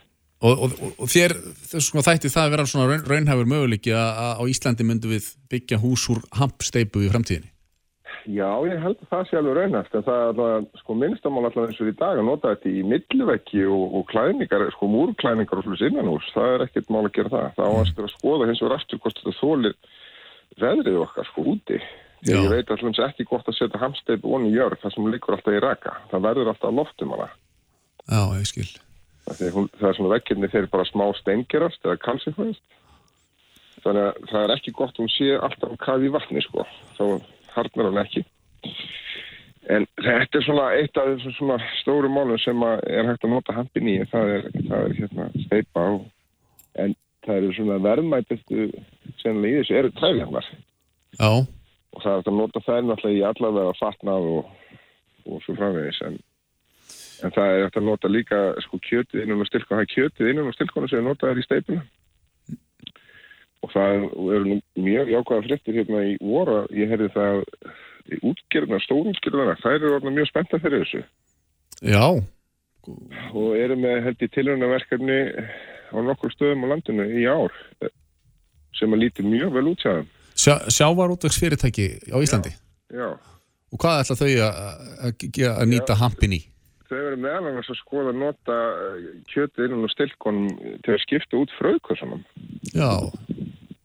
Það er mjög spennandi því fröðkassinir eru náttúrulega mjög dýrir því þetta er svo, hérna, þetta er svo stórt kólumspóra af þessu og erfitt að farga. Þetta er náttúrulega bara hvita einugramplast í þessu. Já, já. En ef það er að gera, og ég held að það sé ekki mál að gera það, það er bara að leggja staðins yfir, að gera kassa úr kjötinu, handkjötinu, í staðin fyrir þetta plast. Af því þá er sko, líka þú búin að nota kassana, sliti fisk í þessu út, þá getur bara kurla kassana og selta sem ábyrðu og agra. Já, já. Þannig að Það það er svolítið- bónus í þessu. Það eru, mar- margvísleg hérna, not fyrir þetta. Í, Já, og þetta er mjög jákvæða fréttir að það sem að það er svona næstu skref í þessu er með þetta að fá svona fjársterka aðila inn sem að geta þá sko, stöðlað að uppbyggingu tækjanlega og svo leiðis. Já, og minna, hversu mikil alvara heldur að sé hjá útgjörðunum í því að skoða hampin til þess að nýta í þetta? Ég, mér skilst þið séð með held ég átti býð 20 hektar í tilhörnaræktin uh, í dag og það lítur mjög vel út skilst mér hjá þeim. Já, Gau- þá- hvaða, útgjörðafélag er það, veistu það? Ég, ég held að séu, ég- á þessi nefni nokkur nöfnum, ég held að séu sko nokkur í þessu bara saman, sko, skoða þetta saman. Já. Þetta séu svona samstagsverkarinn einhvern veginn hjá þeim að, að rýna þetta aðeins og gera tilhörnir saman með það. Þetta eru líka með, sko aðstæðir eru náttúrulega með góða þurrklef og annað sem er auðvitað að þurrka efnið í og, og vinna úr. Nú þeir eru líka fóðublöndu náttúrulega mest það er þetta að nota í fóður. Já. Það er eitt af því sem ég veitur alltaf að prófa núna í haust að slá þetta og, og mæla fóðurgildið í svo slæðis. Fóður fyrir fiskeldi eða? Nei, það er bara fyrir skefnur. Já, já. Við gerum það eins og í okkur núna, þessum hann er mjög lára og verður ekki túruna. Ég er fann að slá það bara með sláttuvelin í pókan og gef, við erum með þrjá litla grísi hérna, við gefum þeim þetta bara. Já, já. Það er alveg sem skúfa þetta í sig. Já, hérna. Og það, og það myndi skipta máli, þess að segir, fjársterkir aðalar eins og útgjörnar ef þær eru að fara í, í hérna, rannsóknir og framleysli á þessu, það, það myndi svona gefa þessum viðnaði svolítið, svolítið svona, svona kickstart, svo má segja. Já, það er sko næsta skrifið þegar núna erum við búið að sko fullt af fólki farið á stað og það sem þarf að gera næst er að fjárfesta í sko framleyslubúnaði eða velum vesmiðu sem að aðskilur þessi fimm efni sem er aðal efnin á plöntinni. Blómin, fræin, laufið og svo dreifjarnar auðvitað á stilkonum og kjötið innan úr. Já. Þetta er svona það sem þarf að gerast næst svo bændur getur farið að sko rækta þetta í einhverju magni það þýr ekkert að rækta eitthvað það er ekki hægt að gera þetta á höndum sko. En hvað með þessar vinsælu vörur sem að heyri svo mikið um hérna, uh, sko CBD-óljur, bæði alls konar til intöku og, og jáfnvel smyrsl og eitthvað svona. Hvað, hérna, er það ekki úr þessari plöntu sem þið eruð að rekta? Jú, það er mikið unnið úr blómunum og, og fræðin reynda líka en það er aðlæg úr blómunum en það er hérna við höfum bara verið að gera tegurinn og svo hefur við verið að gera svona tilrinni með smyrsl og svo leiðist. Þetta er mjög gott fyrir allavega húðurur og, og líka svona sem fæðbótrefni. Mm. Þannig að það er, það er svona það sem hefur drefið þetta svolítið á heimsvísu, það er þessi, þessi svo kallega CBD kannabíóði eða þessi CBD kannabíóði efni sem er í þessu. Já. Af því að það, fólk fór að taka þetta á fullu og, og finnur á, góð áhrif og það hefur sko, þá hefur myndast sko mikill markaði fyrir stilkana eða þræfjarnar og kjötu innan úr því að ef þú ert að gera eitthvað CBD eitthvað þá ertu bara að nota blóminn og það var hérna fyrir nokkur mánu síðan þegar ég var að skoða þetta sem fyrir 20 ára síðan þegar ég var hjá Össurhólf þá ætlaði ég að skipta út koldreifum og glerdreifum fyrir handreifar en það var bara erfitt að fá handreifar Af því að enginn var að rekta þetta hér á landi? Já, eða bara ellendis heldur sko. Það er ekki fyrir um 2010-2012 sem þetta fer svona rofna og CBD fyrir að taka við sér. Já. og það verður mikil bóla úr því og þá myndast aftur frambúð á styrkum og trefjum og það er meðal annars núna nýbúið að stopna versmiðu í bandaríkunum sem er að gera harfiðaplötur úr þessu. Já. úr treyfunum og þeir kalla sko hampin hempist new oak eða er hampur eða ný eik Já, fyrir þá parkett og, og svoleiðis? Já, alveg ofsalega fallega spýtur sem þeir að gera úr þessu. Mm En, Þannig þess, að möguleikarnir eru bara svo óheimji miklu sko en er þetta alltaf einhver svona smá viðnaður, svona beint frá bíli eða gæti þetta orðið einhvern svona, e- eitthvað í líkingu við einhvers konar stór yðju á Íslandi að framleiða hamp og, og vinna úr honum vörur? Já, ég held að getur orðið hvort tvekja sko, þegar ég held að getur orðið líka mikið að litlu sprótafyrirtækjum, af því það, það sem hefur staðið okkur hönniðum oft sko fyrir þrifum á Íslandi er sáöfni Mm. Og samkeppnisæft í verði ráfni því eins og svona ál til dæmis er mikið dýrara hérna fyrir okkur hönnuð á Íslandi heldur Evropu. En ef við fáum aðgang að ráfni, hvað sem það er að textíl eða, eða trefjum eða hvað það er, ég hef fulla trú að þetta getur stór yðnaður á Íslandi og mm. stuðla mikið að sjálfbarni þjóðarinnar sko. Það er alltaf að gera, það er þess að gera sko etanól eða biodísil úr þessu og svo framvegis. Meinaru hérna, elsneiti á, á hérna, bifræðar? Já. Það er hægt úr þessu líka? Já, já, já, og það, sko, eins og Marksinnis komið svo sem fram að það er maður sem gerði bíl 1940, Henry Ford, hann gekk á hemp etanóli og var allir úr hemp trefjum. Já. Sko, þetta er 80 ár síðan hann gerði þetta, en, en hérna, En hversu er flókið er það að, hérna, að útbúa bíla þannig að þeir gangi fyrir hampolíu? Það er, skilst mér að sé alls ekki flókið að það er mjög auðvelt að gera bara biodísel eða etanól úr, úr græna stilpu til dæmis. Já. En síðan er bara, sko, veist, með mikið af fræjum líka, þá farið mikið af bara ólíu úr fræjinu sem er bara svona matarólíja, sjá til. Það er ekki þessi CBD-ólíja. Mm. Og ef þú bara, eins og veist, þá er verið að kera bíla á, á hérna einmitt. Þetta er ekkert öðruðsi, sko. Já, já, já. Það, þegar, það er annan með handin eins og við sjáum hérna í okkur og við sínt fólki hérna sömur í okkur.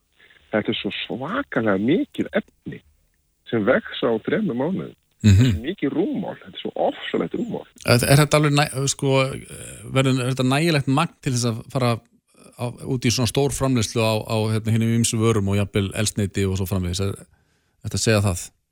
Ég er alveg viss um það. Það verður framtíðin, sko. Já. Það, þetta bara er að mennur að átt að segja á þessu að þarna sé mikil tækifæri og sérstaklega þegar mennur að spá í umhverfi þá er þetta sjálfsögðu hérna, mjög augljós laust. Bæði vegna hérna, að því að efnið er umhverfisvænt og svo mingar kólöfti spór að þau eru ekki að flytja inn ráefni áttu við. Til dæmis, já, alveg klálega.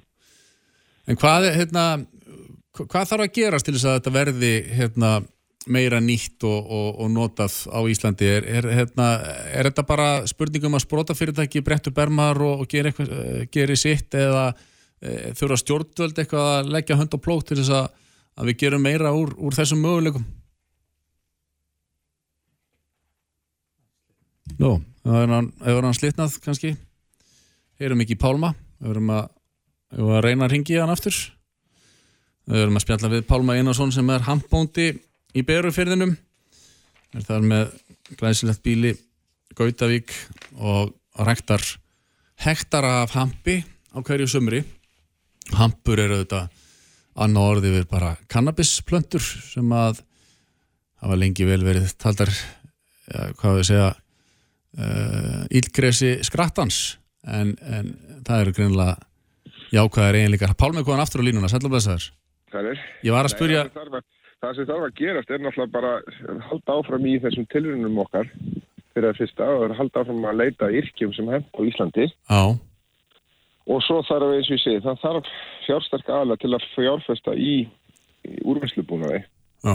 Það eru þessi stæðstu skref sem líka fyrir núna. Það er búið að gera fullt af tilrunum það er verið að gera tilrunum, skilst mér alveg sko, já, sko alveg svo belreka sletti fram á sko hérna austast að hluta í hérna, nei hérna í, á vestfjörðum sko, þetta er út um all land. Og rosalega gaman að sjá eins og í suma hvað er margir á víðan land að gera litla tilhörnir En ertu þá að segja að það, það er bara á, á hendi ykkar frumkvölana að, að draga að fjárfesta til þess að, að rinda þessu almennilega af stað?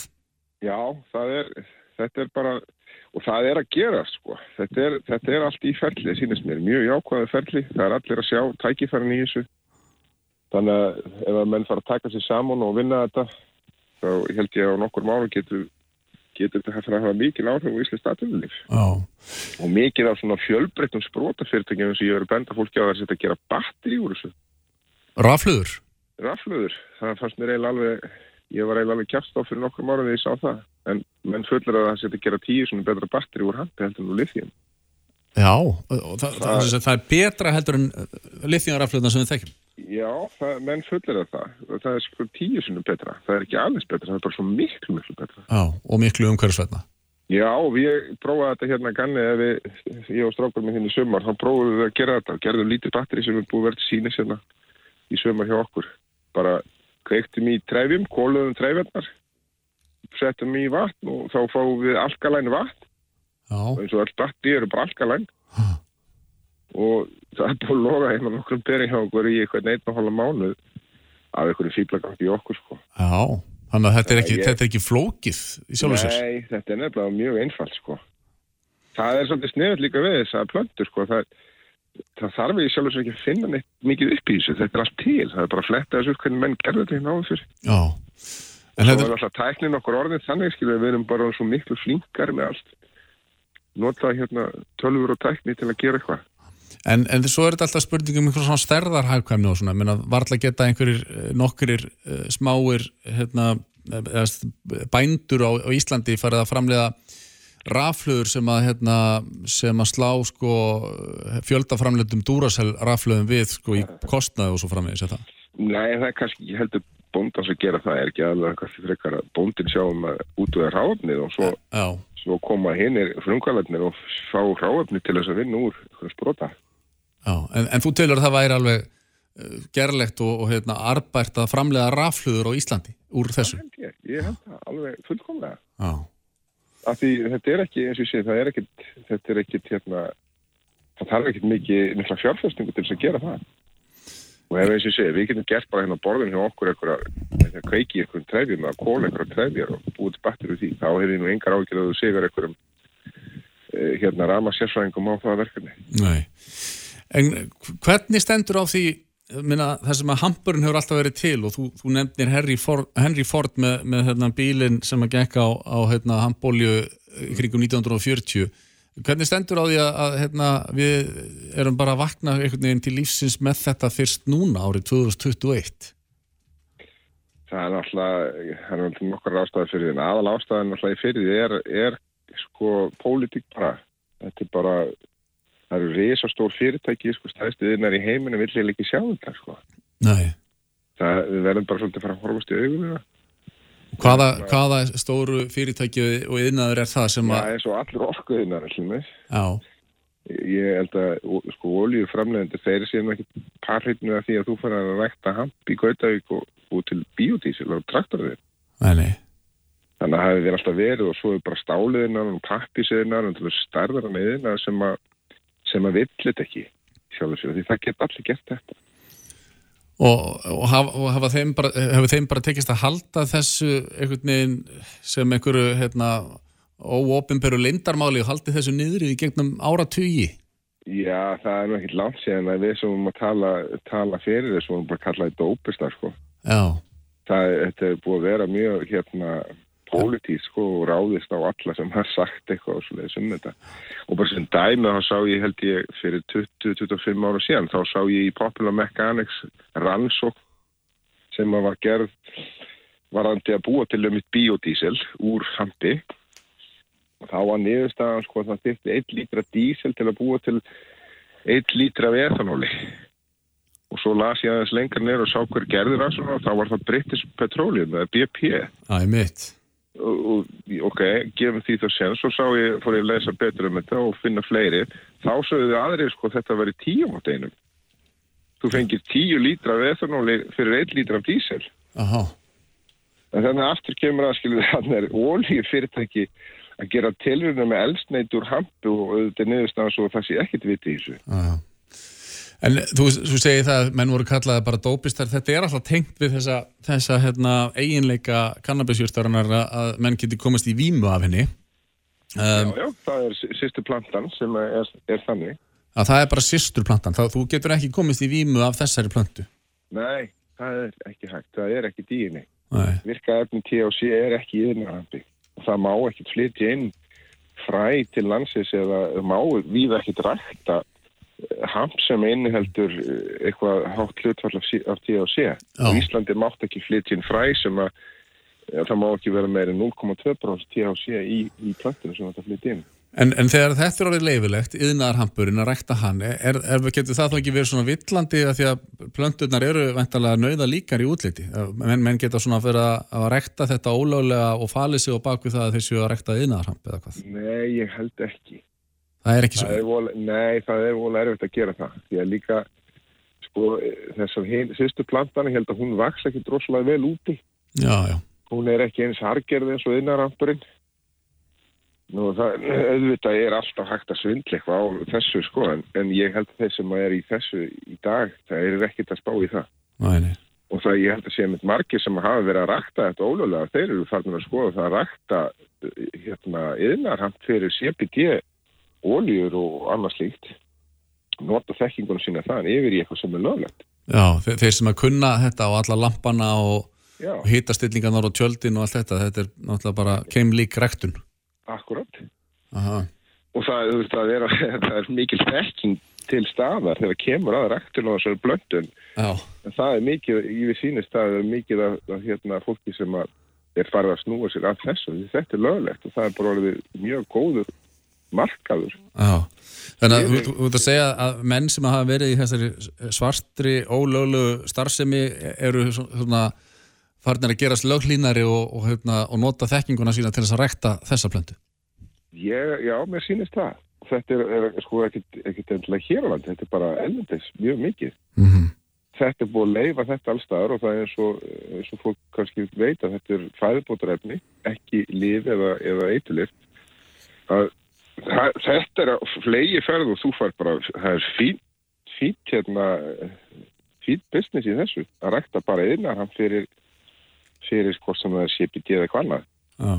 Og síðan veit það er hlumins 2012 held í Colorado-fylki þegar þeir leifðu allt þar. Það var líka leifður þessi svo kallir leiði hvernig þetta leiði hand og hitt einar hand. En það var gríðarlega mikið af, af hérna, bændum sem fór í Colorado 2012 hendi út korni sem þeir voru að rækta og fór að rækta einar hand í staðin. Af þess einhver tíu sinni meira fyrir uppskýrana heldur en að korninu. En minnar, rekið þið ykkar bú þarna í Gautavík hérna, á, á þessari ham, hamprækt, er það, er þið sjálfbær á því? Nei, nei, nei, nei. Þetta hefur bara, við erum alltaf fyrst og næst verið í tilurina starfsemi Já. og við ekki aðtikla á þessu.